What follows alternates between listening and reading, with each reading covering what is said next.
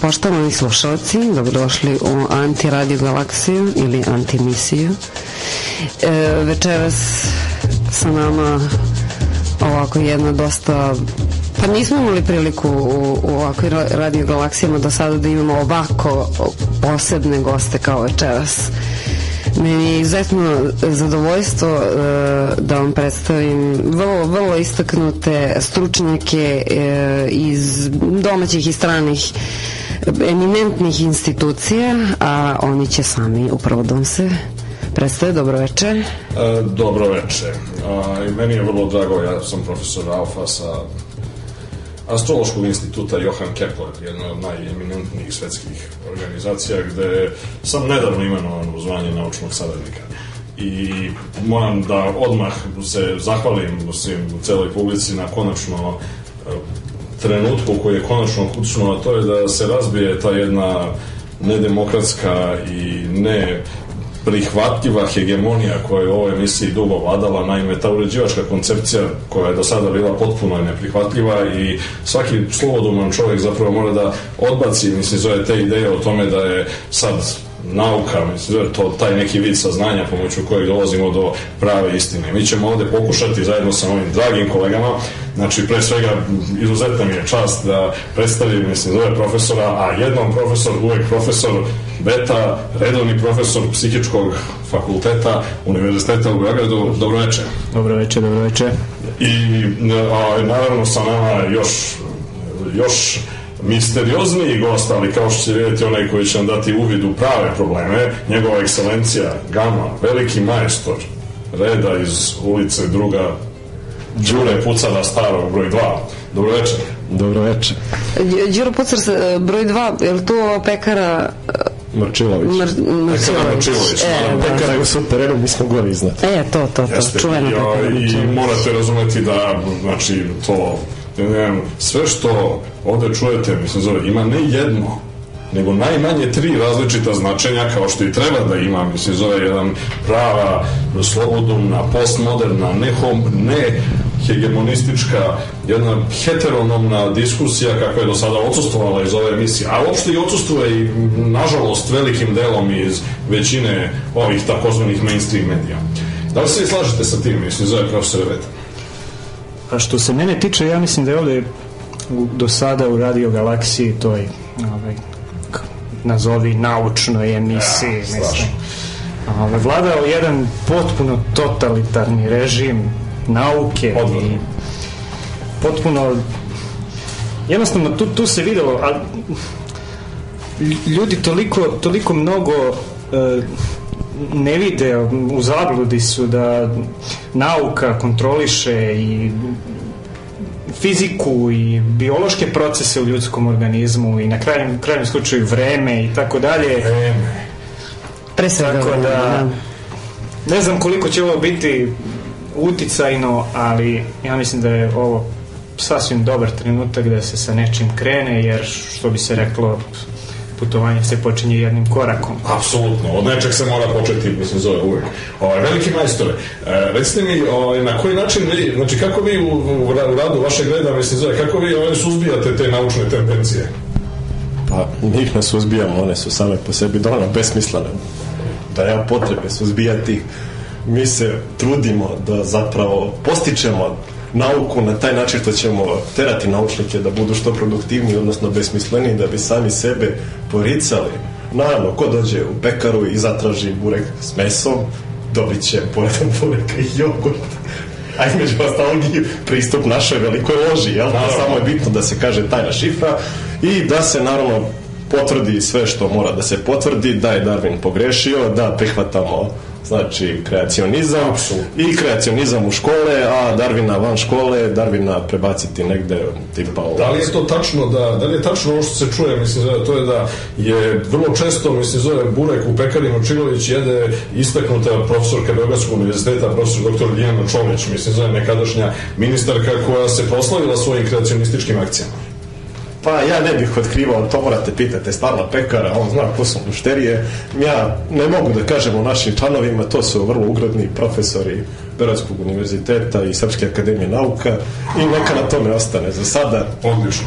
Odlično. Evo za početak ja moram da jednu stvar mislim zove primetim, a to je da a, ove godine koje je eto hajde da kažemo, tek otpočela i u kojoj ćemo normalno krenuti novi list, mislim, zove u borbi protiv tog jednoumlja koje se stalno kroz protura, kroz ono obrazovanje i kroz tu neku logiku, racionalnost, mislim, zove sve te stvari koje zapravo samo sputavaju kreativne i stvaralačke umove. E, dakle, jedna od stvari koju treba da imamo u vidu jeste da, naravno, mislim, zove da ne zaboravimo da se ove godine obeležava tačno 66 godina kao što možete razumeti, to je zaista ozbiljan jubilej od 1900 47. godine, a 1947. godine se desio, mislim, zove poznati incident u Roswellu, ovaj, tokom kojeg, mislim, zove su, uh, je jedan od letećih tanjira, koji su inače bili primećivani ranije, koji se popularno štampi nazivaju neidentifikovane letećim objektima, mada naravno to je opet deo operacije specijalnog rata da bi se prikrila njihova prava priroda, inače naravno posvećeni među kojima su i naši saradnici sa instituta Johan Kepler, mislim, zove, znaju sve o tome. Uh, dakle, taj, kaže, došlo je do jednog akcidenta u kome je se srušio taj leteći tanjir. U njemu su bila tri člana posade koja su, nažalost, mislim da stradala pri sudaru i četvrti, mislim da koji je jako teško povređen je živao još narednih par godina. Leteći tanjir sam po sebi je odnesen, mislim, zove u čuvenu oblast 51, mislim, zove, dakle, u Nevadi pod kodnim imenom Dreamland, a, a preživeli, mislim, zove pripadnik vanzemaljske rase sa 17. planete Siriusa je bio odveden i čuvan neko vreme u vazduhoplovnoj bazi Wright Patterson, mislim, zove u Daytonu, Ohio, to je isto ono mesto u kome je 1995. kao što svi znamo potpisan Daytonski mirovni sporazum između predsednika Franje Tuđu e, ja, ja, jasna je korelacija i da. Begovića koji su ja ako samo prekinuo hoću da kažem da je tada 95. nakon potpisivanja sporazuma leš tog vanzemaljca da ga tako nazovem prenta polimu rtanj I da se od tada dešava. Pa jeste zanimljive stvari. Jeste, veliki majstor, tu ste potpuno u pravu. Znači, glavna motivacija zapravo za sklapanje to zapravo razuma. Pola Leša je završilo u visokom ispod piramide da bi mogla da da specijalno zračenje, tako je otkrivena piramida, a drugi deo ispod piramide u vrhnju, kad se ta dva dela spoje, desit će se opet sjedinjenje SFRJ. Jeste, da, SFRJ, da vas ispravim. Uh, ono, što, ono što treba takođe naglasiti jeste da znači, udaljenost između vrha piramide u vrhu i vrha piramide sunca u visokom, koje ste upravo pomenuli, je tačno 400 km i 400 metara. Gle čuda, 4-4 Sa greškom od plus minus 10 metara, nemojte, gospodine. Da, ali mi, pa to sam čuo da je u... u pa ne, da, da, ne, ne može tako precizno da se... se zove, na psihičkom fakultetu se se te stvari mere sa jako, jako visokom preciznošću. A moram da kažem sledeću stvar. Ako dodate na tih 440 plus 222 dobijate tasno, tačno 666 km, a na tom mjestu se nalazi će Vabđinica, Raho, u Sarajevu. Gle čuda. Ali da li ona prosto nevjerovatno? Dakle, hoćete da kažete da je taj objekat dakle, na e, jedan e, paranormalan način povezan sa Bekarom Čilovićem? Pa, u neku ruku da, ali boga mi u neku tepsiju ne. A, vrlo dobro. Više o tome nakon jedne muzičke pauze. Svakako.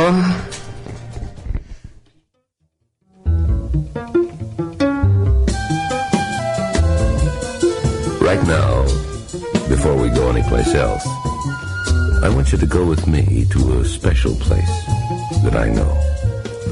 It's a museum. But it isn't an ordinary museum. It's a very abstract museum in which they show sound paintings. If you can say that you show sound. But I don't see why you can't. But here we are in this corridor. Some of the most beautiful works of art are here. Here's one right here. Uh, this is by a a very fine young artist. Here, let me turn it on.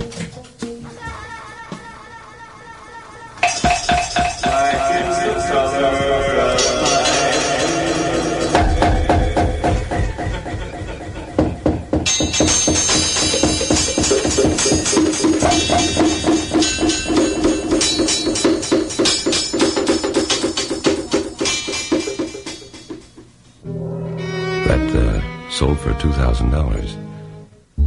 Makes a lot of money uh, actually doing these things. But now I'd like to turn your attention to this work by uh, an artist who is a World War One veteran. Actually, I, I don't feel that this for me says what he intended it to say. And yet there are those who, who listen to it and, and it says a great deal to them. Well, here, uh, I'll turn it on and, you, and you'll see what I mean.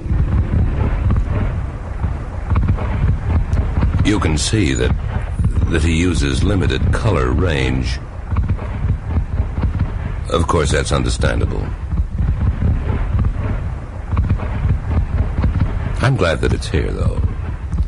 But uh, enough of that. Let's go on to the next uh, work that I want you to see. Now, this is a sound painting that is indicative of the neurotic uh, feeling of our time.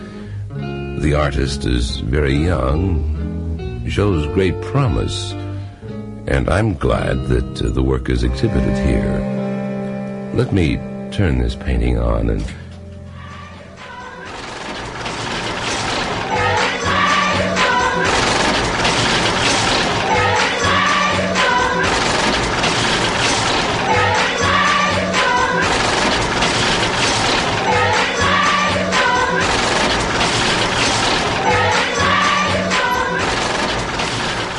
I think you can see my point. Uh, now, the artist that uh, did this, fortunately, is uh, under sedatives at the moment, and uh, we expect that his later work will be much calmer and quieter. And but we do like to give these young neurotic artists a chance, and so I'm glad that the museum has been big about the whole thing, as it were.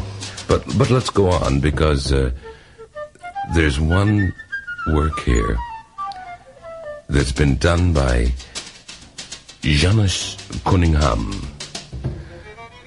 Uh, this is a professor from another country, actually, but his work is revered here.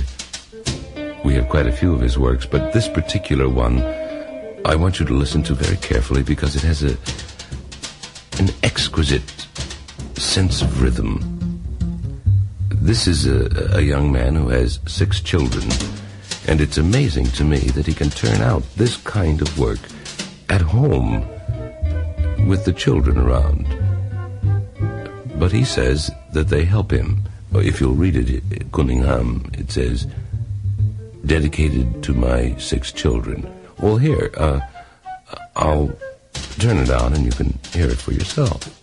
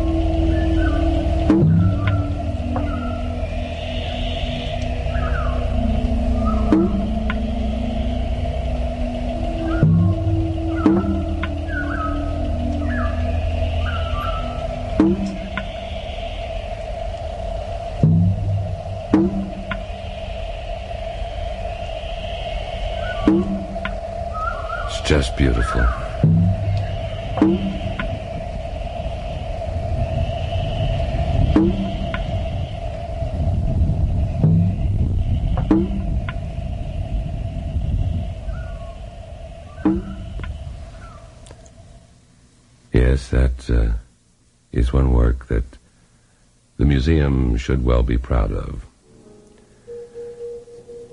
However, I would like to have you come with me now and we'll open this black door at the end of the corridor here. I won't be able to keep it open very long, and I think you'll understand why. Here, I'll open it like this, just a crack, and you listen.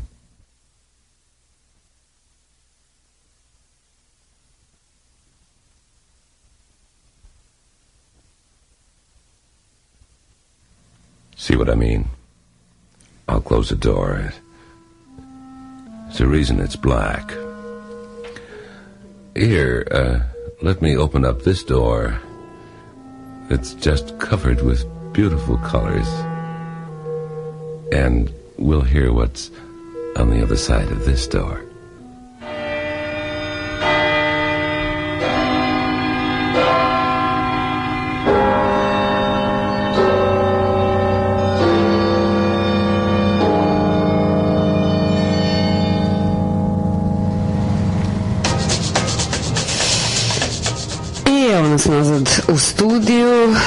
Sa našim cijenim uh, gostima, alfom, betom i gamom. I nastavit ćemo priču o Uh, padu letećeg tanjera uh, Rosvela i velikog jubileja uh, 66 godišnjice. Uh, profesore Alfa, uh, hteli ste nešto posebno da istakne, istaknete pa, vezano za ovaj... To malo mesto, malo selo u New Mexico u kome je ovaj, između ostalog jedna, jedna pored pada letećeg tanjera koji naravno korišćenjem metoda specijalnog rata vrlo brzo postao najpre meteorološki balon, pa onda koje što drugo. Ali vidite, još jedna stvar koja se tamo desila jeste da ovaj, je tamo rođena slavna američka glumica Danny Moore. I ovaj, kao što, mislim, zove gotovo očigledno svakom od nas fanova, mislim, zove njega, ona gotovo izvrsno, mislim, zove i rezultat tih eksperimenta, mislim, zove sa ovaj, ubacivanjem alien, znači tuđinskih gena, mislim, zove ljudskih gena. A, imate o tome više detaljnije, to je, mislim, zove sve ovaj poznatim, jeli, dosijima X koji, vi mislite da je to serija, u stvari, naravno, da to nije serija, pošto, naravno, da, ako bi, mislim, zove pravili, znači, zamislite vi sad da neko zaista napravi igranu seriju o tako osetljivim pitanjima, mislim, zove koje su od suštinskog značaja, pa zar vi onda ne biste zaključili, mislim, da tamo se pominju imena nekih od najvažnijih iluminata, Bilderbergera i slično, znači, to je moguće jedino onda, ako su oni sami napravili scenariju za to. Da, da li možemo reći da je to svojevrsna dokumentarna serija? A to je dokumentarna serija tokom koje se široke narodne mase koje su konzumenti toga one se pripremaju za otkrivanje istine. Znate, ne može istina da dođe odjednom. A najbolji primjer da istina ne može doći odjednom jeste ono što se desilo odmah nakon 1947. Jer nakon 1947. nasuprot onome, mislim, zove što bi ovi naivni racionalni naučnici očekivali, mislim, zove došla i 1948. A 1948. godina je kao što znamo, evo, mislim, zove profesor Beta koji o tome napisao monografiju, mislim, zove će nam sad reći o tome, dakle, kakav je sad, znaš, šta je to počelo 1948. godine, a što je toliko bitno za, za, za, za istoriju FNRJ? Pa, znate kako? Svi pamte tu 48. godinu kao ključnu godinu za razvitak takozvane SFRJ, odnosno FNRJ, kako je ko zove, da. zavisi koji je period, zato što je te godine naš maršal Josip Broz Tito u stvari rekao to čuveno istorijsko nestaljinizmu. Ali, u stvari, mnogo pre toga se desilo to da je CIA, odnosno američka informativna agencija, tražila neuspešno e, čuvene spise Hermana Potočnika, mm -hmm koji je u stvari bio pa recimo poreklom Slovenac i koji se bavio raketarstvom. I 1929. godine on je napisao knjigu koja je u stvari bila inspiracija Werneru von Braunu koji je kasnije, jel te, ovaj, on se proziva da je pionir raketarstva, u stvari, mislim, Herman Potočnik je u stvari mnogo, mnogo veći pionir raketarstva i mnogo veći doprinos je dao tome. Još jedan slučaj gde se zove u kome se doprinos ovih južnoslovenskih naroda nepravedno zanemaruje. To je jedan slučaj, da, da. Ja bih, to je jedan od, od, od nebrojeno mnogo slučaja. Ja bih dodao samo još jednu stvar na rođenje Demi Moore, 47. počinje čovjek koji svoje treće mjesto na rakijati u Prajanima. Znači, Pa ja, ja, da. mislim, ja, ja mislim da gotovo, gotovo da nema, mislim, zove, nema alternative. Mi smo istraživali, to mora biti povezano. Mi smo imali svog čoveka koji sta svoje drugo mesto tada i on istraživao i zaključio da je čovjek rođen te 47. godine rođen baš na dan kad je pao znati, taj čuveni leteći tanjer neki kažu boga mi da je to bila američka Durma neki kažu da je bio leteći tanjer mi još nismo doneli zaključke veze s tim da je rođen istog dana i da je znači pobedio to jest osvojio treće mesto na radi u Planjanima. Ali treće mesto nakon što se takmičio po prvi put. Po prvi put i rekao je da posle toga ne gleda uopšte jer je mnogo pijan. A dobro, čujte, nego mi se zove, opet kao što rekao smo u ovoj emisiji, od nečeg se mora početi. E, no vratimo se, mi se zove na raketni program. Elem, raketni program koji je u stvari, mislim, nije to razvijao Herman Potočnik, ali on je napisao jednu knjigu koja je u stvari relativno popularna, neka, recimo, inženjerska nauka ili šta već, I nije to toliko bitno, mislim, ta knjiga je objavljivana u velikim tiražima kod nas, ono, odnosno na, ovaj, na prostorima bivše FNRJ, ali bitne su stvari ti tajni dnevnici za kojima je Cija tragala. I Cija je tragala za tim tajnim dnevnicima, tragala, tragala, tragala i do, recimo, negde kraja 50-ih, početak 60-ih, recimo 60. godine, nisam tačno siguran, ali to, imate detaljne informacije u toj pomenutoj monografiji. Uh, Cija je odustala od toga, ali je Maršal Tito našao te njegove tajne dnevnike u kojima se nalaze izuzetno detaljni crteži nekih neverovatnih stvari, tehničkih, koji se tiču u stvari e, tehnologije koja bi mogla da doprinese međuzvezdanim putovanjima, međuplanetarnim putovanjima i tako dalje. I ključna stvar, znači, kada se sve to desilo, ovaj, ti tu među vremenu rekao istorijsko nestaljinizmu zato što je bio u stvari na tragu tome i znao je da ako to nađe, onda će to moći za vrlo velike pare da proda Amerikancima. Da, da. Koji su u to vreme, znači to u vreme hladnog rata... Nikad nije bio sa kešom tako dobro. A i u vreme hladnog rata, mislim, pa, moraš se prikloniti nekoj strani, mislim, to je... Jasno, jasno. Elem, ovaj, u martu 61. godine kada se Tito sastao sa Kennedy, mislim to postoje istorijski dokazi, Naravno, znači, fotografije, sve. fotografije i tako dalje. Sve to možete da nađete na internetu, u stvari se prosipa neka potpuno kvazi priča, znači da je to bio neki, ne znam, susret, ovo ne znam ja čemu. Ja sam video zapravo to, mi se zove da, ja, ja sam čuo tu verziju da je on upozorio predsednika Kennedy-a da zlikovci ne moraju da ga likvidiraju, ali da predsednik Kennedy nažalost nije to suviše ozbiljno shvatio. Pa ne znam, ali uglavnom u onome što je bilo vezano za naše prostore, odnosno za Josipa Broza, ovaj, oni su uspeli, zato što je, znači, nakon tog sastanka u martu, u maju te 1961. godine predsednik Kennedy je izjavio idemo na mesec u narednih 10 godina. Sjajno, sjajno. I šta se desilo? 69. godine čuveni program Apollo 9, oni su otišli na, des, na mesec, a za svo to vreme u stvari razvijali su svemirski program koji je prodat tog istog marta 1961. godine od strane Ja možete da proceniti o kojoj se tu svoti radi? Jesmo pa, došli do toga u svojim istraživanjima? Uh, u stvari, mislim, ne može se tačno reći, ali s obzirom na neke razne statističke proračene generalno ovaj, prodaja i pozajmljivanja među tim velikim silama, odnosno pozajmljivanja tih velikih sila malim silama, došlo se do zaključka da toliki novac koji je u stvari odjednom SFRJ dobila nikako nije mogo da dođe od neke pozajmice, zato što nisu ni Amerikanci ludi da pozajmuju tek tako tolike velike pare jednoj, jednoj zemlji kao što je Seferiot, da, videli su oni da se tu ne radi dovoljno, to se išlo uglavnom da sindikalno letovanje. Tako da, eto, tim nekim posrednim putem, mislim, mnogi bi rekli da to nije naučni put, a i ne treba da bude naučni put, zato što je nauka u stvari nešto potpuno... A to je samo jedan, mislim, nećemo mi da pocenjamo mnogo nauku, ali mislim, sve shvatiti, to je samo jedna stvar, znači, s jedne strane nauka, s druge strane imamo, eh, imamo tajnu istoriju, imamo okultizam, misticizam, alhemiju, astrologiju, sve druga velika znanja, mislim, zove na kraju krajeva kreacionizam. Tako da... Ko može da kaže da je nešto, da nešto treba tako da se uradi ili ne treba tako da se da, uradi? Da, Ko može da kaže da je nešto pogrešno? Ja bih samo hteo da, da spomenem... Aha, izvini, izvini, kažete. Ja bih samo hteo da spomenem knjigu koju je u prethodnim emisijama profesor Ćirković nažalost pogrešno interpretirao kao veliku knjigu Konstantina Cijelkovskog znači o kosmičkoj filozofiji da je zapravo Konstantin Cijelkovski bio jedan članova Templara A teo bih još da napomenem da trenutno naš klan iz Sarajeva, znači Sarajevske podružnice, Neho Krljić radi upravo na putovanju za Mars. I koliko saznajemo uspešno mu krade ipak Sarajevska podružnica Cije oličena u vidu čoveka koji prodaje ćevape. Nažalost, ne možemo da utičemo na to, ali... A to je taj, mislim, zove, setite se tog terorističkog, mislim, zove, znate, onaj... Ali ti sa zapada nam stalno kradu. Ja ne znam da li nama smeta. Ja mislim da nama svima kao naciji stalno smeta. Sve što su mogli da nam ukradu ukrali.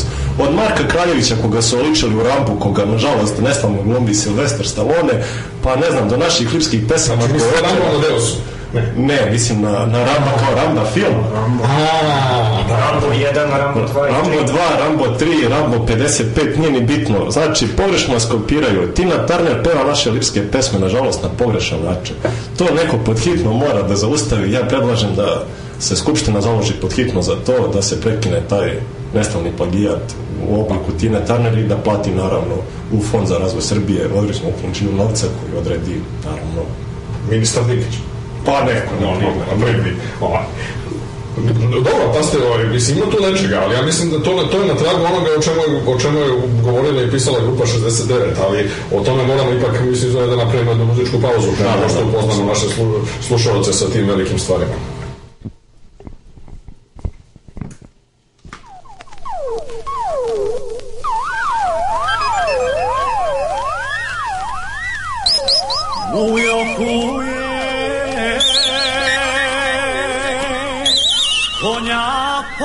Mjesecu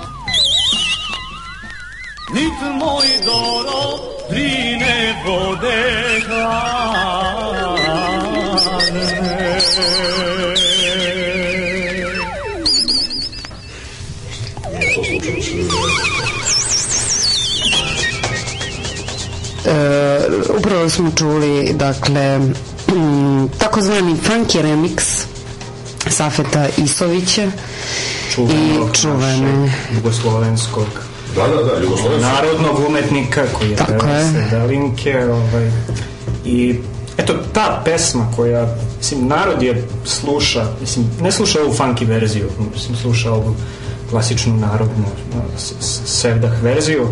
Koju nismo imali u, u arhivi da pustimo, nažalost, pa smo Ali morali... je ova zanimljivija zato što je urađena hiljadu ni manje ni više 1969. godine, odnosno godine kada je s- e, američka svemirska agencija poslala Apollo 9 na mesec i kada su prvi put ljudi sleteli na mesec. Interesantna je stvar što je ta pesma ta pesma koja kaže, čuli ste sami, mujo kuje konja po mjesecu i tako dalje. Mislim, naše, naše metafore, naše jasno. naredne, um- naše narodne umetnosti su, su jako, jako komplikovane, tako da, mislim, potrebne su Jedan hermeneutički uvjet. i nakon nekog istraživanja, odnosno udubljivanja i multidisciplinarnog normalno, ovaj, može se zaključiti da je u stvari ta pesma jedan dokaz koji ljudi jednostavno previđaju, ali u stvari to je dokaz da je Jugoslavija, odnosno FNRJ, imala skice i razvijala svoj sobstveni jugoslovenski svemirski program u sad ljudi pričaju da je to neki aerodrom željava i tako dalje negde na granici između Hrvatske i Bosne. U stvari to je bila to je bila podzemna svemirska baza u kojoj da, se da, na osnovu na osnovu na osnovu skica Hermana Potočnika razvijao svemirski program koji je kasnije prodat Sjedinjenim američkim državama. I ta pesma u stvari koja potiče mnogo ranije recimo negde tako iz kraja 50-ih, početka 60-ih godina je u stvari e, pogled narodnog umetnika na to što se tada dešavalo u, u FNRJ. Jeste da je to bila tajna, ali jel te, mislim, narod sve sazna. Apsolutno, apsolutno. A onda je 1969. godine koja je na, no, na mnoge načine vrlo kontroverzna godina, mislim ide odmah nakon 68. kada su Apsolutno. ono globalni studentski pokret se i izbor novog velikog templara, da napomenem. Zapravo, ti studentski protesti su upravo izbili zbog toga što je stari templar umro i među vremenu trebalo je pronaći novog kandidata. Svi sad svi misle da su studenti teli novo obrazovanje ovo ono, međutim šta? Otkako je umro Milutin Milanković, posljednji veliki majstor, nastupilo je doba velikih šegrta na našem univerzitetu. Nažalost, čekamo još uvijek velikog majstora, eto. To je, to je, to je baš neprijatno, mislim, zove. To je, a ima još jedna stvar, 1969. godina, pa možda odatle, mada neke druge ljude to asocira nešto drugo, ali odatle možda potiče naziv čuvene grupe 69.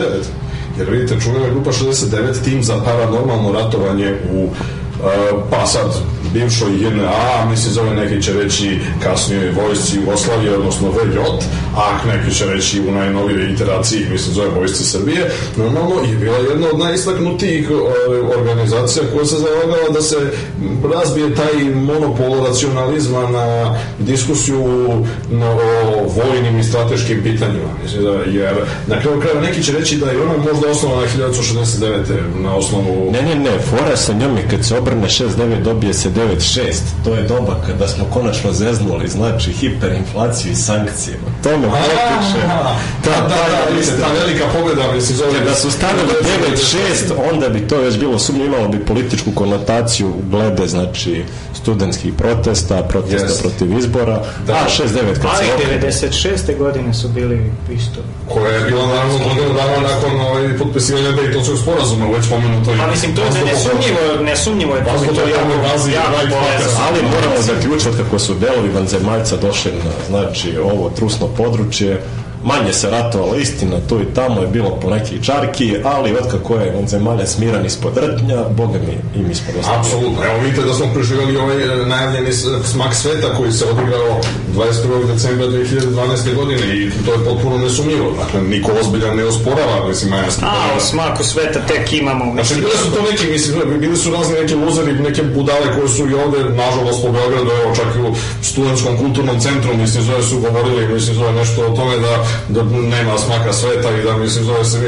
a u stvari to ne primećuje se, to je jedino zapravo što je postignuto da se ovi prostori budu pošteđeni zbog te interakcije između e, piramide u retnu i piramide sunca u visokom koje su, kao što rekao, udaljene tačno 400 km i 400 metara, što samo po sebi Ali ne nevjerovatna koincidencija. Ne zaboraviti gospu iz Gabela, koja je zapravo svetlana debela kao krovni deo nakon svega. A to, to bez daljeg ne, pa čujte, mislim, na kraju krajeva to sve piše, opet, ko zna da čita, mislim, zove, on će pročitati svetlosnu formulu Spasoja Vlajića i svetlosnu formulu Spasoja Vlajića koji je bio istaknuti član grupe 69 i koji je e, zapravo pružio jednu teorijsku podlogu ovaj, njihovom radu. Znate, u grupi 69 su bili veliki ugledni društveno-politički radnici, astrolozi, intelektualci, proroci, sve o svemu veliki borci protiv novog svetskog poredka.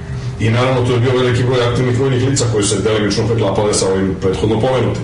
Kao što kaže, mislim, zove istoričar, savremeni jugoslovenski, mislim, zove vrlo aktualan, bivši e, pukovnik, mislim, zove gospodin Ljubodrag Stodinović u svojoj knjizi, o, on je imao čast da se sa neke džonima grupe, među kojima su bila tri pukovnika, ne, jedan stariji vodnik, e, gospođa Milja Vujanović Regulus, mislim zove poznata proročica, e, slikar Milić od Mačve koji je nažalost preminuo, mislim zove nešto kasnije, ali sa druge strane, s obzirom da je o samom sebi rekao da je on najveći srpski vampir, mislim zove moguće da zapravo i nije u potpunosti otišao, nego da i dalje delimično sa nama. Uzmemo rečeno, veliki majstor, da se slažete da to, e, kad ste pomenuli te krađe, mislim zove, koje dolaze sa zapada, pa zar vam se ne čini da je ukradeni vampir, mislim zove, kao jedan autentično srpski koncept? Pa ne znam, ja bih recimo prvo citirao druga Blagoja koji kaže ko zna znaće, a ko ne zna ne znaće. Znači, mislite da je to, mislite to od bivšeg načelnika generalštava, druga Blagoja? Pa, ne znam, sad Blagoja ima dosta, a vi sad izaberite prezime. A naravno, čujte. Ali kad smo već kod vampira, znači ja bih prvo rekao sledeće, da smo mi pre toga otkrili tajnu za besmrtnost, da je to znači jedan od naših članova koji se infiltrirao u malo mesto između bijele, ovaj, pardon, izvinite me, Bajne bašte i Valjeva u selu, kad je već došlo dotle da svi drugi stare, on jel te još uvek mlad, onda je morala se smisli neka legenda, počeo je da plaši ljude iz popada žene. E, kad je već je dogorelo seljanima, nažalost oni su ga likvidirali i time i tajna njegove veće mladosti otišla zaovek pod zemlju.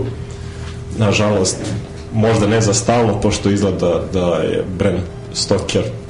Imamo utisak naslutio to, a između ostali pored Bram Stokera i pisac jel te James Bonda 007 koji je te još uvek večno mlad. James Bond ne stari, mislim ja ne znam da li ste to zahvaljujuće, zaista, to To je inače prava šteta mm, i još jedan pokazatelj kako mm, e, kod nas imamo briljantne ljude koji su otkrili razne tajne, pa eto i tajnu Pa besmrtnosti. da, problem je što se A da, na ti ljudi primjer, razapinju na kolac ili razapinju u kuriru, Tako je. mislim. A, a na primjer, evo, upravo sada imamo, dakle, u sredu, ove srede, 30. januara, imamo jednu tribinu koju ponovo ista ekipa stalno istih e, naučnika koji dominiraju prosto on cen, s, e, i pokuš, da, tako je ovaj, e, po, po, pokušat će naravno ponovo iz tog naučnog ugla da, da ne, kažu nešto više o Ko su njihova imena? O, pa možete da pogledate na ovom uh,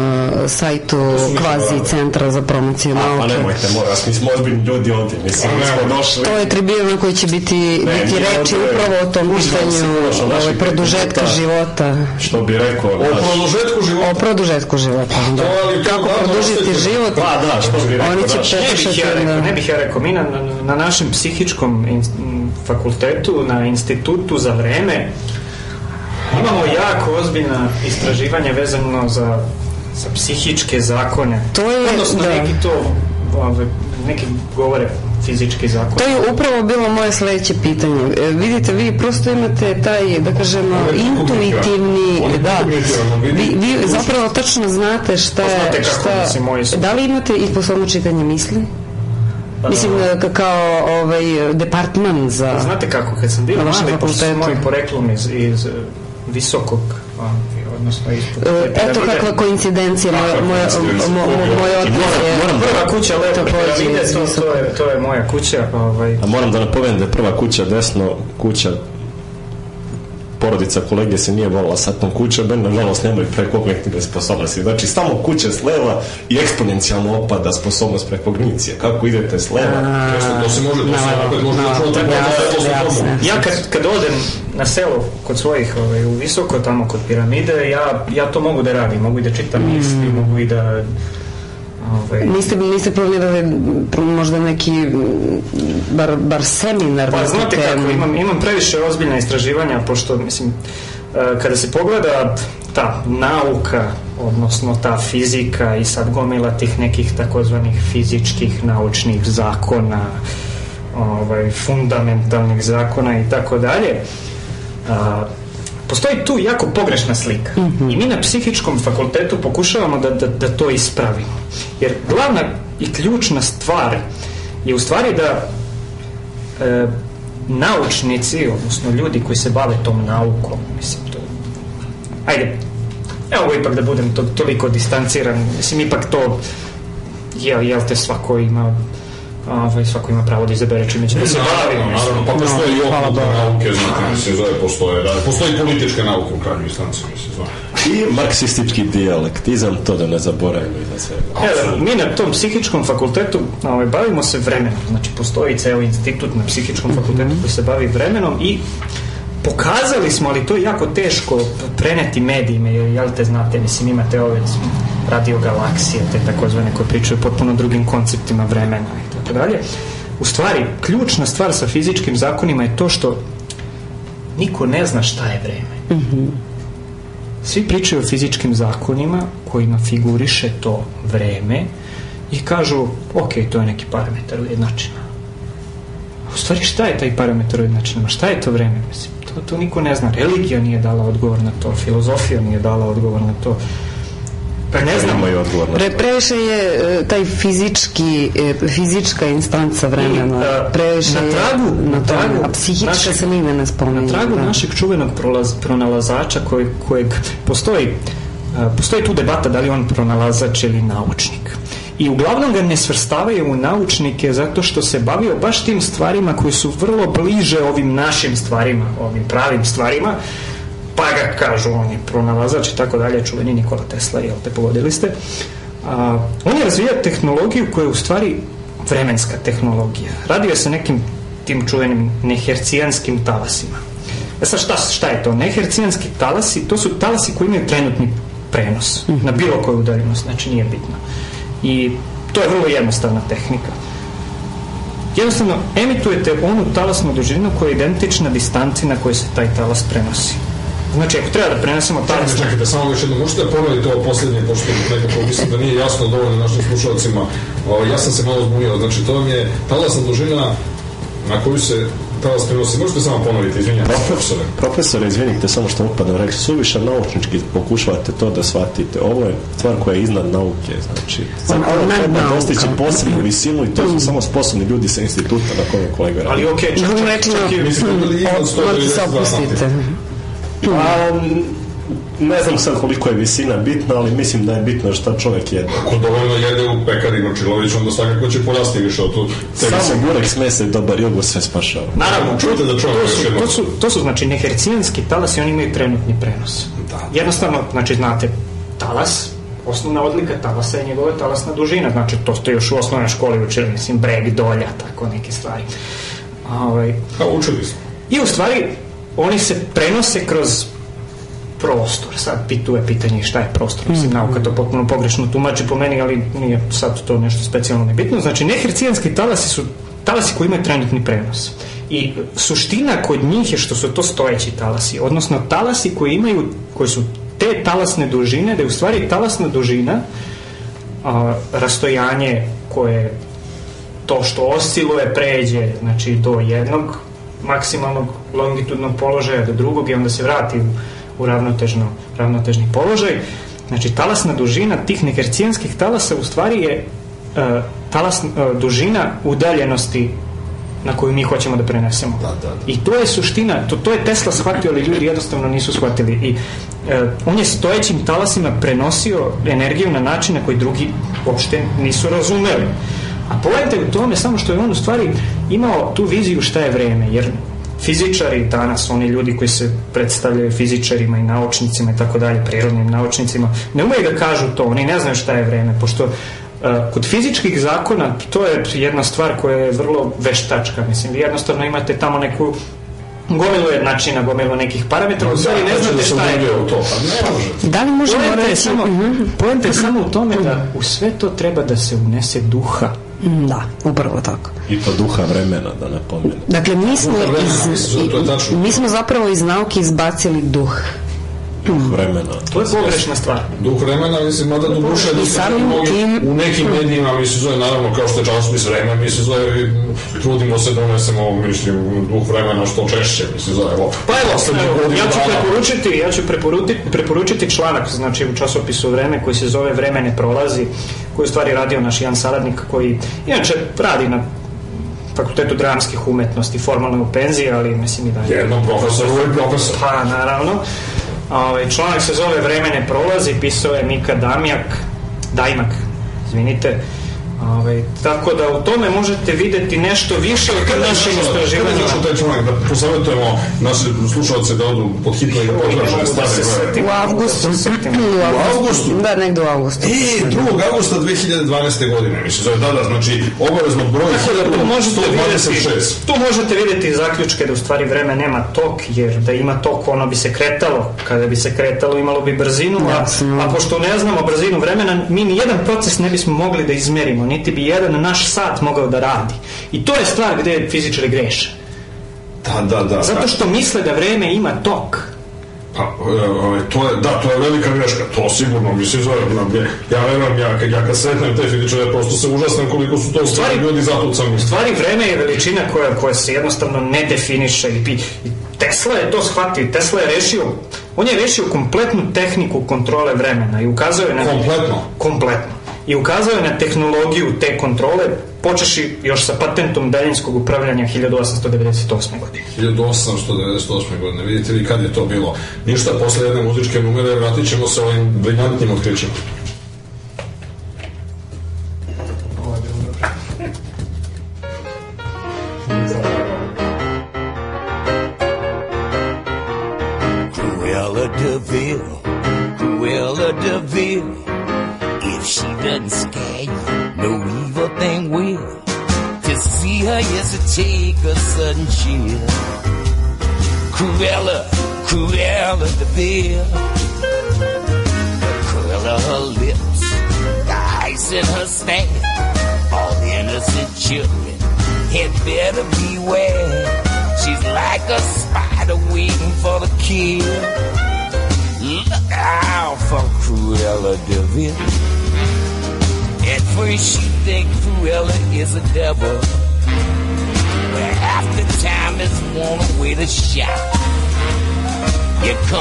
To realize you've seen her kind of eyes watching you from underneath the rock.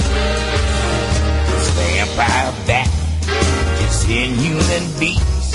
She ought to be locked up and never released. The world was such a wholesome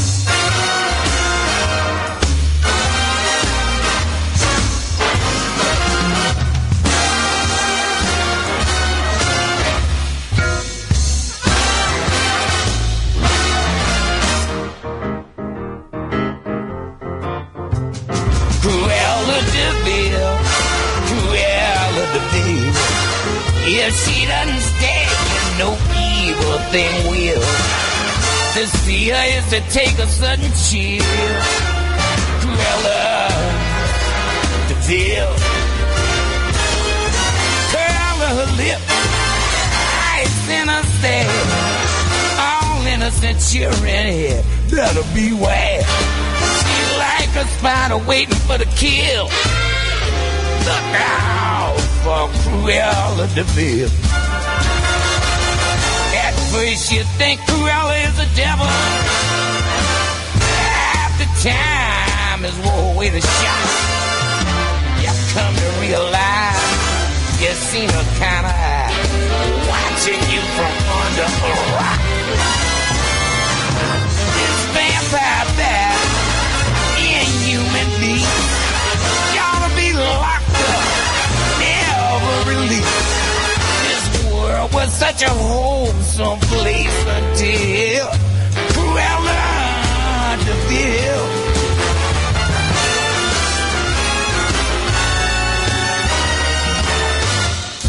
So evil, even a hair's two face.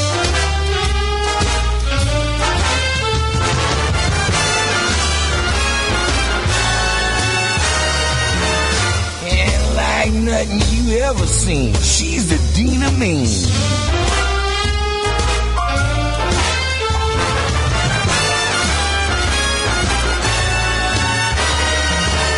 I need to mention she's got some doggone bad intentions.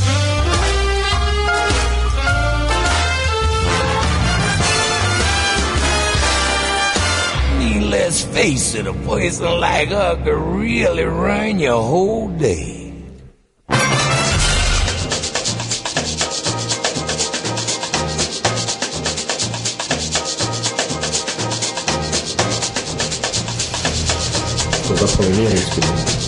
Evo nas nazad u studiju. E, uvaženi, uvažena gospodo e, stručnjaci alfa, beta i gama.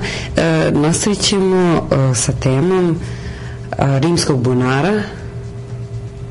Da, kaže, tog izvora velikog zla novog svetskog poretka. Tako je.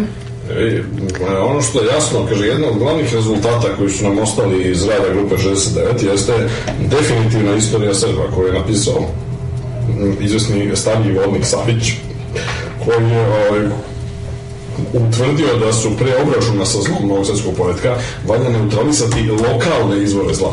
A lokalni izvor zla je pre svega rimski bunar. Zato što iz rimskog bunara izvija ta negativna energija koja posle se širi, mislim, zove okolo, naravno najveća koncentracija je u Beogradu, u centru Beograda, zapravo na opštinama Stari grad, Vračar, mislim, zove to se najveće zato što se najbliže nalazi, pa jedan deo se preliva, mislim, zove tamo preko velikog ratnog ostrava, mislim, zove u pravcu Ušća, Pa izvinite profesore, ja mislim da se ta interakcija prenosi i putem tih silnih podzemnih prolaza A boga mi to Beogradu postoje A to se vidi na izborima, mislim. Da, da, da, rezultati lokalnih izbora to nedvosmisleno pokazuju.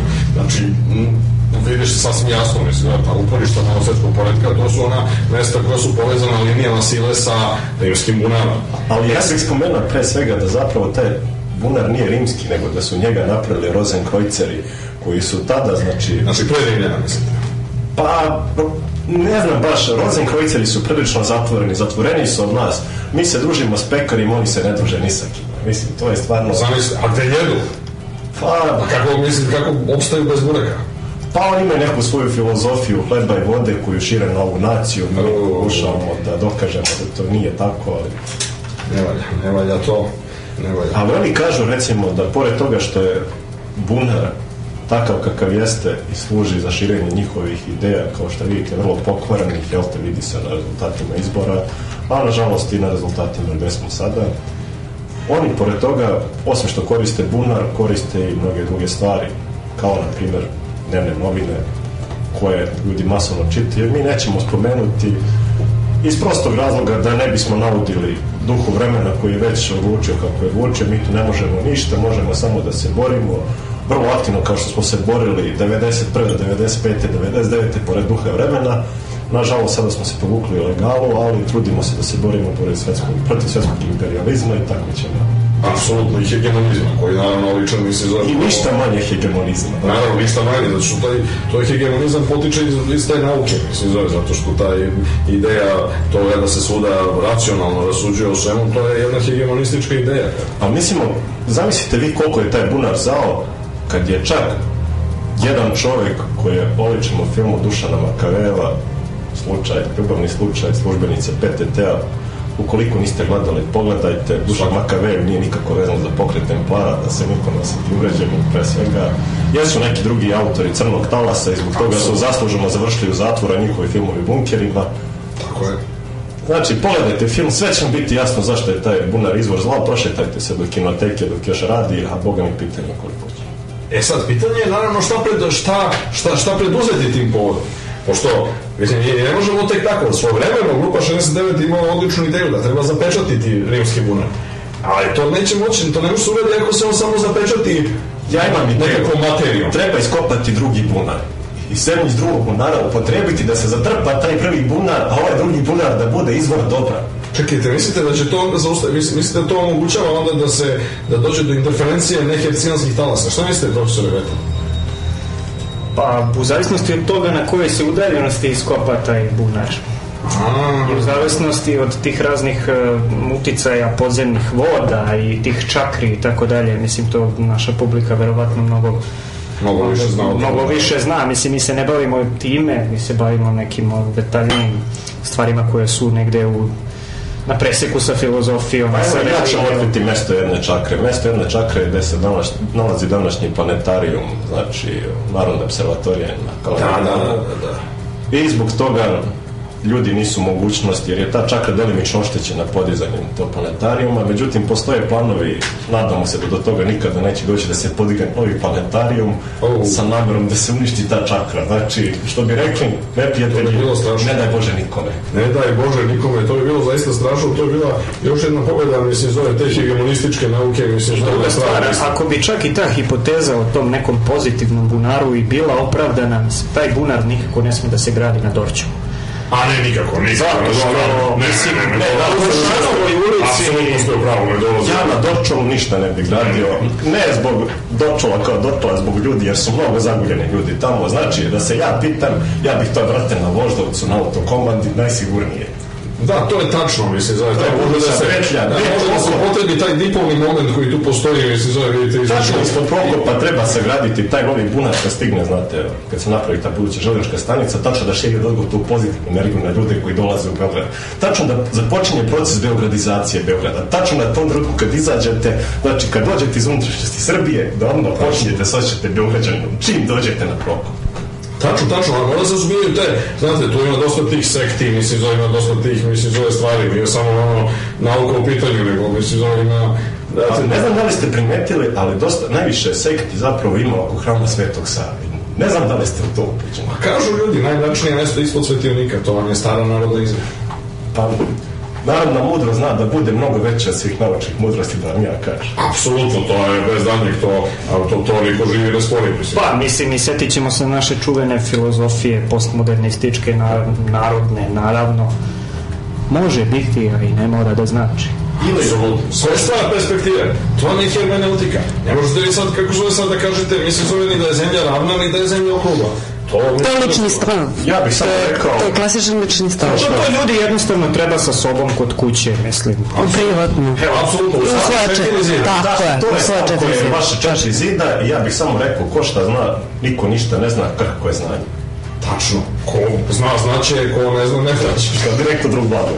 Apsolutno. I o tome smo mogli da pročitamo u časopisu Treći oko, koji naravno sve srdno pozdravljamo i ovaj ovom prilikom želimo tu životni već. želimo, želimo da, da, da izlazi i dalje ovaj, uspešno za razliku mislim zove od tih nekih znate mislim bilo je tih mislim zove nekakvih naučnih časopisa s vremenom ja se sećam mislim zove još davno kad sam bio mali mislim bila je te neki časopis iz galaksije to čini mi se bilo još u SFRJ mislim koja je ovde pomenuta. Dakle bio je taj časopis galaksije onda posle su bili neki časopisi astronomija i IQ to je naravno propalo. Zašto? zato što to narod neće to nije blisko narodu ne možemo mi sad, mislim, zove da idemo tim putem, mislim, zove elitizma i da namećemo masama to što im nije blisko. A nema duhovnosti, jednostavno. Ljudi su, ljudi su navikli na duhovnost. Ljudi, ljudi imaju duha i ne mogu da posmatraju prirodu bez tog duha. Ne mogu da oni prave tamo, ne znam, neke fizičke zakone bez... Pa problem je tome što su ljudi koji su pisali za časopise zapravo pripadnici Rozenkreuzera koji se dalje uspešno kriju uprko svemu i uspeli su da opstanu čak i uprko sankcijama, znači 91. 95. čak su preživjeli hiperinflaciju, gleču. Da, to je tačno. Vrlo su živa pokret. To je tačno, mislim, zove. Istina, pored 7 miliona Srba koji su to preživjeli, preživjeli su i pripadnici pokreta Rozenkreuzer i nadamo se da će doći do nove hiperinflacije koju oni neće preživjeti. A to je tačno, da, vidite, ne možemo, mislim, zove, s tim sektorima ne može zaći na kraj drugačije. Ja bih samo pomenuo jednog čoveka koji u stvari svi ga smatraju najvećim fizičarem svih vremena, čoveka koji je stvorio fiziku, mislim, bavio se fizikom dve godine, od svega, mislim, i kao stvorio nešto. U stvari, on je, on je bio vrlo promoćuran čovek. Čuveni Sir Isaac Newton. O, da, da, da, da, da. Velika ličnost. Mislim, ne znam da li imamo vremena, ali samo bih uputio naše Pa, slušalce. možete ukratko, da. Uputio bih naše slušalce u to da, da je on u stvari bio postoje razne insinuacije da li on bio templar ili je bio Rosenkreuzer bavio se alhemijom i tako dalje. Mislim to što će možda kolega ovaj, kolega iz velike lože moći nešto da nam više kaže.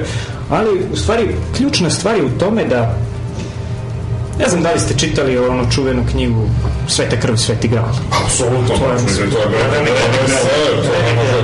I, I još bolja stvar, još bolja stvar, postoji pisac ovaj, Dan, Dan Brown koji je napisao knjigu Da Vincijev kod, koja je u stvari samo ta knjiga, ali, ali malo nekako približenija širom, široj javnosti. Da, on je shvatio šta narod želi, upravo ono, znači. E, u toj knjizi, znači, u Da Vincijevom kodu, znači preporučujem pre svega Da Vincijev kod, a onda i Svetu krv, Sveti gral.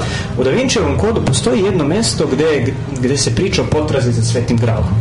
I e, ključna stvari dešifrovanje tih raznih poruka koje su stalno tajanstvene u filmu, odnosno u knjizi, izvinite, postoji film, a, postoji jedno mesto gde se kaže poruka glasi e, na sahrani Vitezovoj e, ili nešto u smislu Viteza je sahranio papa. Sad to na engleskom mnogo drugačije zvuči, ne mogu sad tačno da se setim, ali u stvari ljudi su pogrešno shvatili. Oni su tražili to na nekim grobovima raznih čuvenih vitezova koje su sahranjivale pape i tako dalje. U stvari ključna stvar je u tome što je e, papa koji se na engleskom kaže pope u stvari nije papa kao vrhovni poglavar katoličke crkve, crkve nego je čuveni pesnik Aleksandar Pope Ozbiljno. koji je, Uuu. koji je na sahrani je Isaku suptilno. koji je na sahrani Isaku Newtonu koji je gle slučaja bio vitez, Serge No. Isak Newton govorio stihove, znači on ga je praktično prenesenom značenju sahranio. Tako da Isak Newton ima jako, jako puno tih raznih nekih veza sa templarima i sa, sa masonima i tako dalje. Čak postoji na Oxfordu znači na čuvenom tom naučnom univerzitetu postoji grupa koja je u suštini masonska, sad ne znam da li je to tačno neka loža ili šta već, koja se zove po Servisa Kunju. Pa nisu lože, oni su stojici jer ne koriste st- kožne stolice, više vole da stoje dok drže svoje sastanke, ali ja bih ipak tu ispravio, ne radi se o pesniku Aleksandru Popu, radi se o jednom od Avignonskih papa koji je sahranio se Visaka Njutna, koji je, nažalost, nepoznat u našem narodu, je isti osnovao borbeni elitistički odred koji se gle čuda opet nastanio u okolini Rbnja. Oni pokušavaju svaki godin Da se vraćamo na taj detalj. Pustili su da ih izbaci tokom prvog srpskog ustanka što sekirama, što lepim rečima, ali kako se zove. Da, da. Međutim, oni se vraćaju svake godine, održavaju neki svoj festival gde plešu goli po rednju i se jedan i pokušavaju da se otarase te bede. Znači, papa iz Avignona i dalje traje, istina, njegovi utjecaj su skriveni, ali pratite pažnju. Ako vidite slučajno ljude koji nose zastave sa dugim bojama, znajte šta je u pitanju. I preporučio bih naravno sada da se vratim na to, znači Isak Newton je jedna vrlo kontroverzna ličnost. Mnogi kažu da je on jedan od najvećih naučnika svih vremena. U stvari, to je velika varka, znači. Da. Kao što, mislim, bilo je priče, bilo je priče o tim nekim raznim obmanama u nauci. Mislim, kao što postoje obmane u nauci, postoje i obmane o nauci. Apsolutno. I obmana ne može da se nazove obmanom ako nije otkrivena. Pa i to je potpuno tačno. Tako da, Potpuno tačno. tako da jednostavno ne možemo da kažemo da je Newton bio obmanjivač nauke ili je obmanj, bio obmanjivao nauku zato što jednostavno to su previše detalja, pre, previše kontroverznih stvari. A kolega, šta mislite ako Newton bio samo obman svoja četiri zida i nije mogao to da razume da kaže? Pa i to je njegova stvar, mislim svako na, na kraju krajeva ima svu, svoju slobodu da odluči šta će i čime će da se bavi i gde će time da se bavi. A da, danas imate moderne metode, recimo, mislim, danas možete da otkrijete te obmane. Recimo, kad uzmete, na primjer, optičku pirometriju, onda pokažete da imate wolframsku nit. Znači, ja bih spomenuo posebno te metode koje se na fakultetu, znači, za psihičke nauke sprovode. Jeste, u laboratoriji, mislim, za atomsku psihiku. ali laboratorija koja se nalazi striktno iza zatvorenih vrata u podrumu i vrlo je teško pristupiti njoj. Znači, recimo, studenti su 99. kada su radili vežbu s optičkom birometriju, ukazuju se znakne časti. I to gle A to je bilo logično krajnje, mislim, zove postoje. Gle čuda 23. marta 1999. Znači u samo praskozorje agresije na našu lepu, nažalost pokojnu Saveznu Republiku Jugoslaviju. Ili sada i on. Kako god vi volite da je zovete. Međutim, nije to sve. Postoji poseban instrument koji je namješten tako da studenti veruju da instrument nije u redu iako je sovjetski proizvodnje, gle čuda. To je su ga... Čak, izvinite, je izvinite, nemoguće. sovjetska To je proizvodnja, so, mislim, nije to, nije to čak ni sovjetska proizvodnja, zato što je, on datira, on datira s kraja 19. veka, tako da, pravljenje zapravo templara koje je Stalin zatvorio u gulazima. I oni su pokušavali, ne znam da li znate za onu anegdotu, pisali su pisma, međutim, u pismima su napisali sljedeće, crvenom bojom. Ovaj instrument radi savršeno, treba ga koristiti pri laboratorijskim vežbama, PS nema plave boje. Pa vi sad vidite, ko zna znače, ko ne zna ne A znači. to je potpunosti u skladu sa svetlosnom formulom našeg velikog Spasoja Vladića, velikog naučnika i velikog mistika. Pa ne zove se bez razloga spasoje, znači spasoje onaj koji spašava ljude. Spaso je apsolutno, mislim, zove i pod njegovim rukovodstvom 13. aprila 1994. godine je oboren avion F-16, zahvaljujući paranormalnom delovanju Luka 69. A to je povezano s ovime, kao što ste sami u jednom spisu, mislim, zove starom, koji sam ja, eto, sticajem okolnosti i pripremajući se za ovu emisiju, naravno, pošto ne možemo dolaziti nepripremljeni, ne, pronašao, mislim, zove, vi ste otkrili da, znači, optičkom kilometrijom imate Wolframovu nit koja koja je najpre u kukasto krsta, a potom kada se zagreje, kada se pri potpunom zagreje, Pojavi se znak NATO, čuda. Znači, kada se optička nit zagreje i dostigne tačno određenu kritičnu temperaturu, tada se pojavlja prvo znak ukasnog krsta koji se potom znači određenim faznim prelazom za koji još uvijek nije dodijeljena Nobelova nagrada, pretvara se u znak NATO. to je, to je takozvani fazni prelaz treće vrste, zbog koga se Ludwig Boltzmann ubio.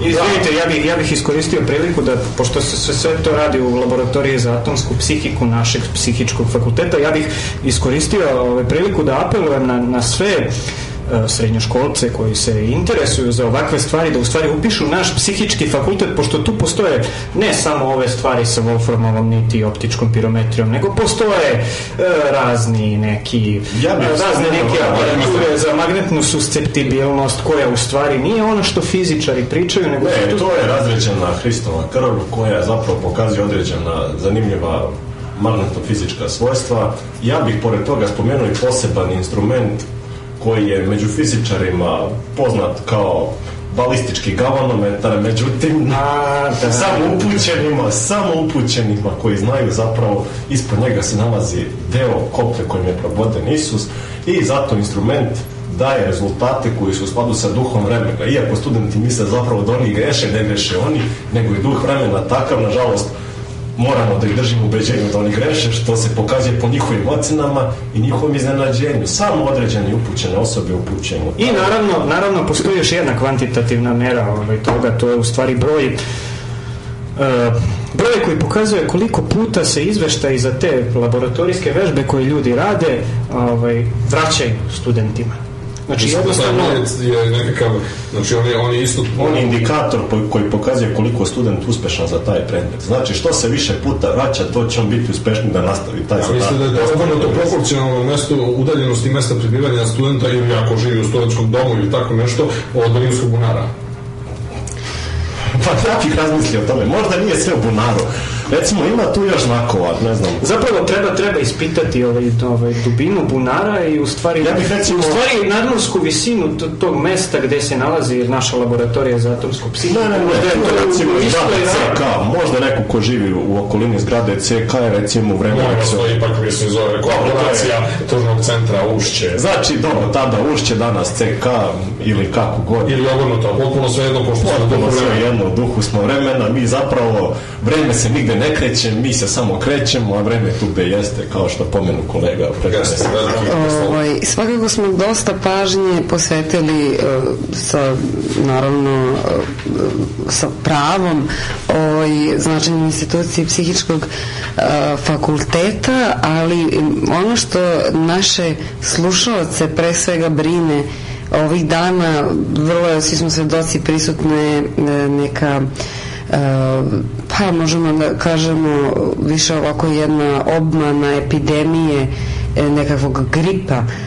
Da li možemo da kažemo da je to da zapravo virusi i ostali patogeni mislim njihovo postojanje je zapravo vrlo u stvari problematično. Pa da, mislim, samo kratko, pošto ne možemo mnogo dolazimo u tu temu, ali znate, mislim, zove, to su veliki, mislim, zove eksperti odavno pokazali to velika obmana, mislim, zove, mm -hmm. recimo, mislim, zove gospođa Ivana Živković, koju svakako, mislim, zove ovom prilikom podržavamo i podsjećamo kao najvećih autoriteta. Isto je to saradnica na našem psihičkom fakultetu. Apsolutno, apsolutno, bez daljnjeg, mislim, zove je recimo doktor Todor Jovanović, koji se apsolutno već dugi niz godina zalaže, mislim, zove za pravu istinu, mislim, zove, a ne za tu oficijalnu medicinu koja, kao što bi rekao Heraklit nekada, mislim, zove ljude više ovaj, čini bolesnima nego što ih leče. Ne, ono što, mislim, zove, ono što je zapravo u pitanju, mislim, zove, jeste to da unutar mitohondrija, mislim, zove, imate fotone, a unutar fotona imate još sitnije, mislim, zove, čestice i kada one nisu u skladu sa duhom vremena i kada ne interaguju međusobno na hercijanskim talasima o kojima je kolega govorio, onda dolaze do tih poremećaja. Tako da, nema toga ništa, mislim, zove, gledajte samo, znači, poruka slušalcima je da se usklade sa duhom vremena, a ostalo, zove će sve ići daleko lakše.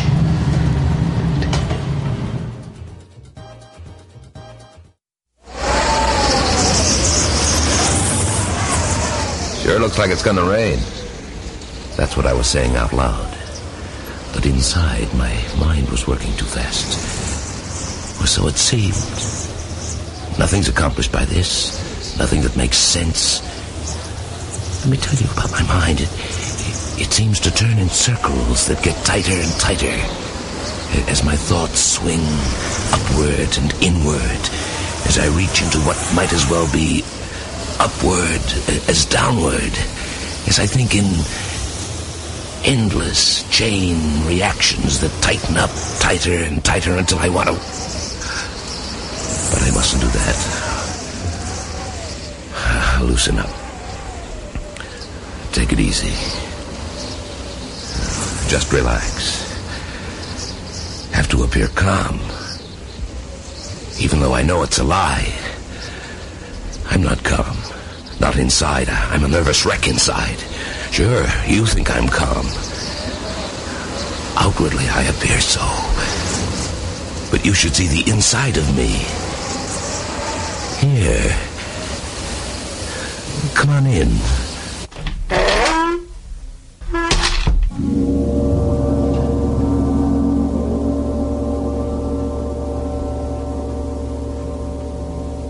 Doesn't make any sense, which is perfectly all right.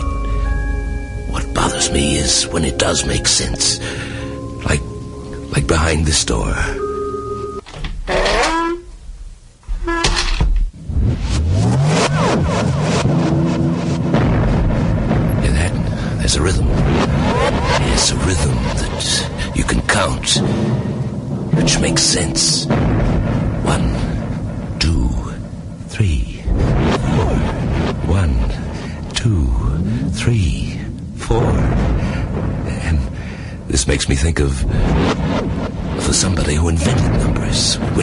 Makes sense. One, two, three, four, five, six, seven, eight, nine. Wonder if he had much trouble inventing those numbers. Wonder if he had trouble with zero. Pretty hard to imagine nothing. Nothing. No thing. No me. No you. No world. Nothing. Which doesn't make sense. Frightens me. I, I can't stand things that frighten me. That don't make any sense. Come on, let's get out of my brain. Quick, quick through the door here.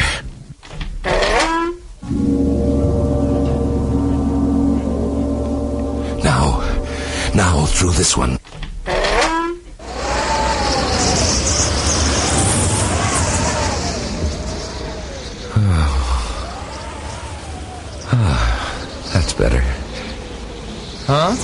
I said, uh, sure looks like it's gonna rain. Oh, I don't think so.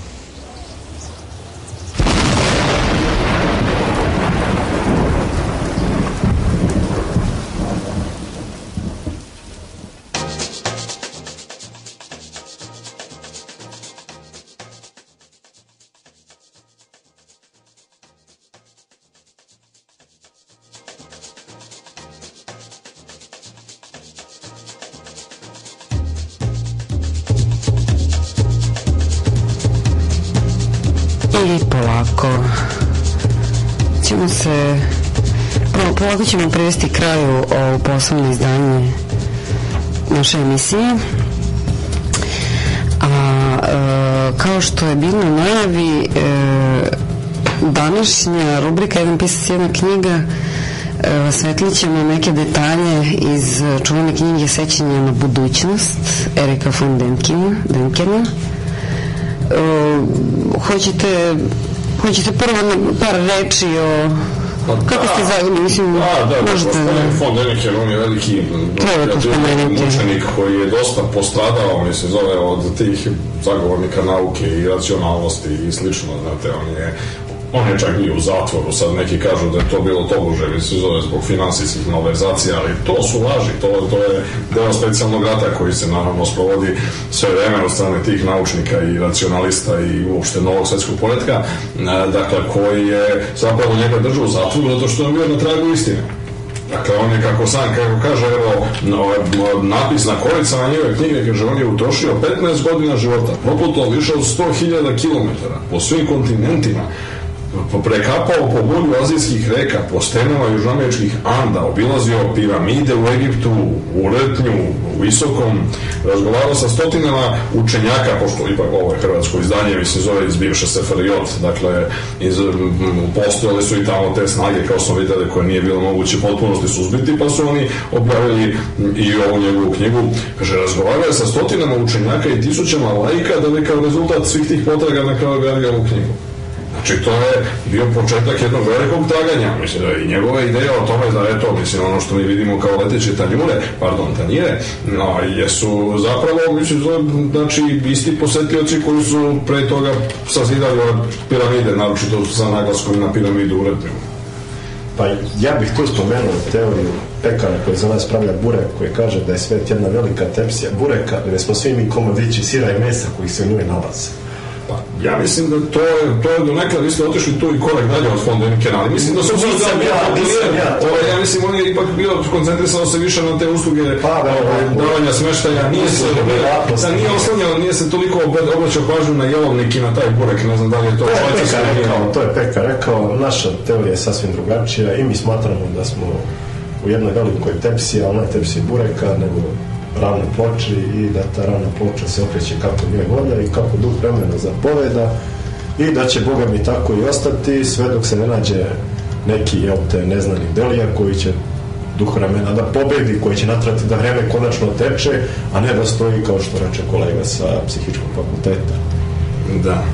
Da. Pa dobro, za sam kraj, dakle, ovo je jedan potpuno adekvatan citat iz knjige Erika von Denikena Sjećanja na budućnost.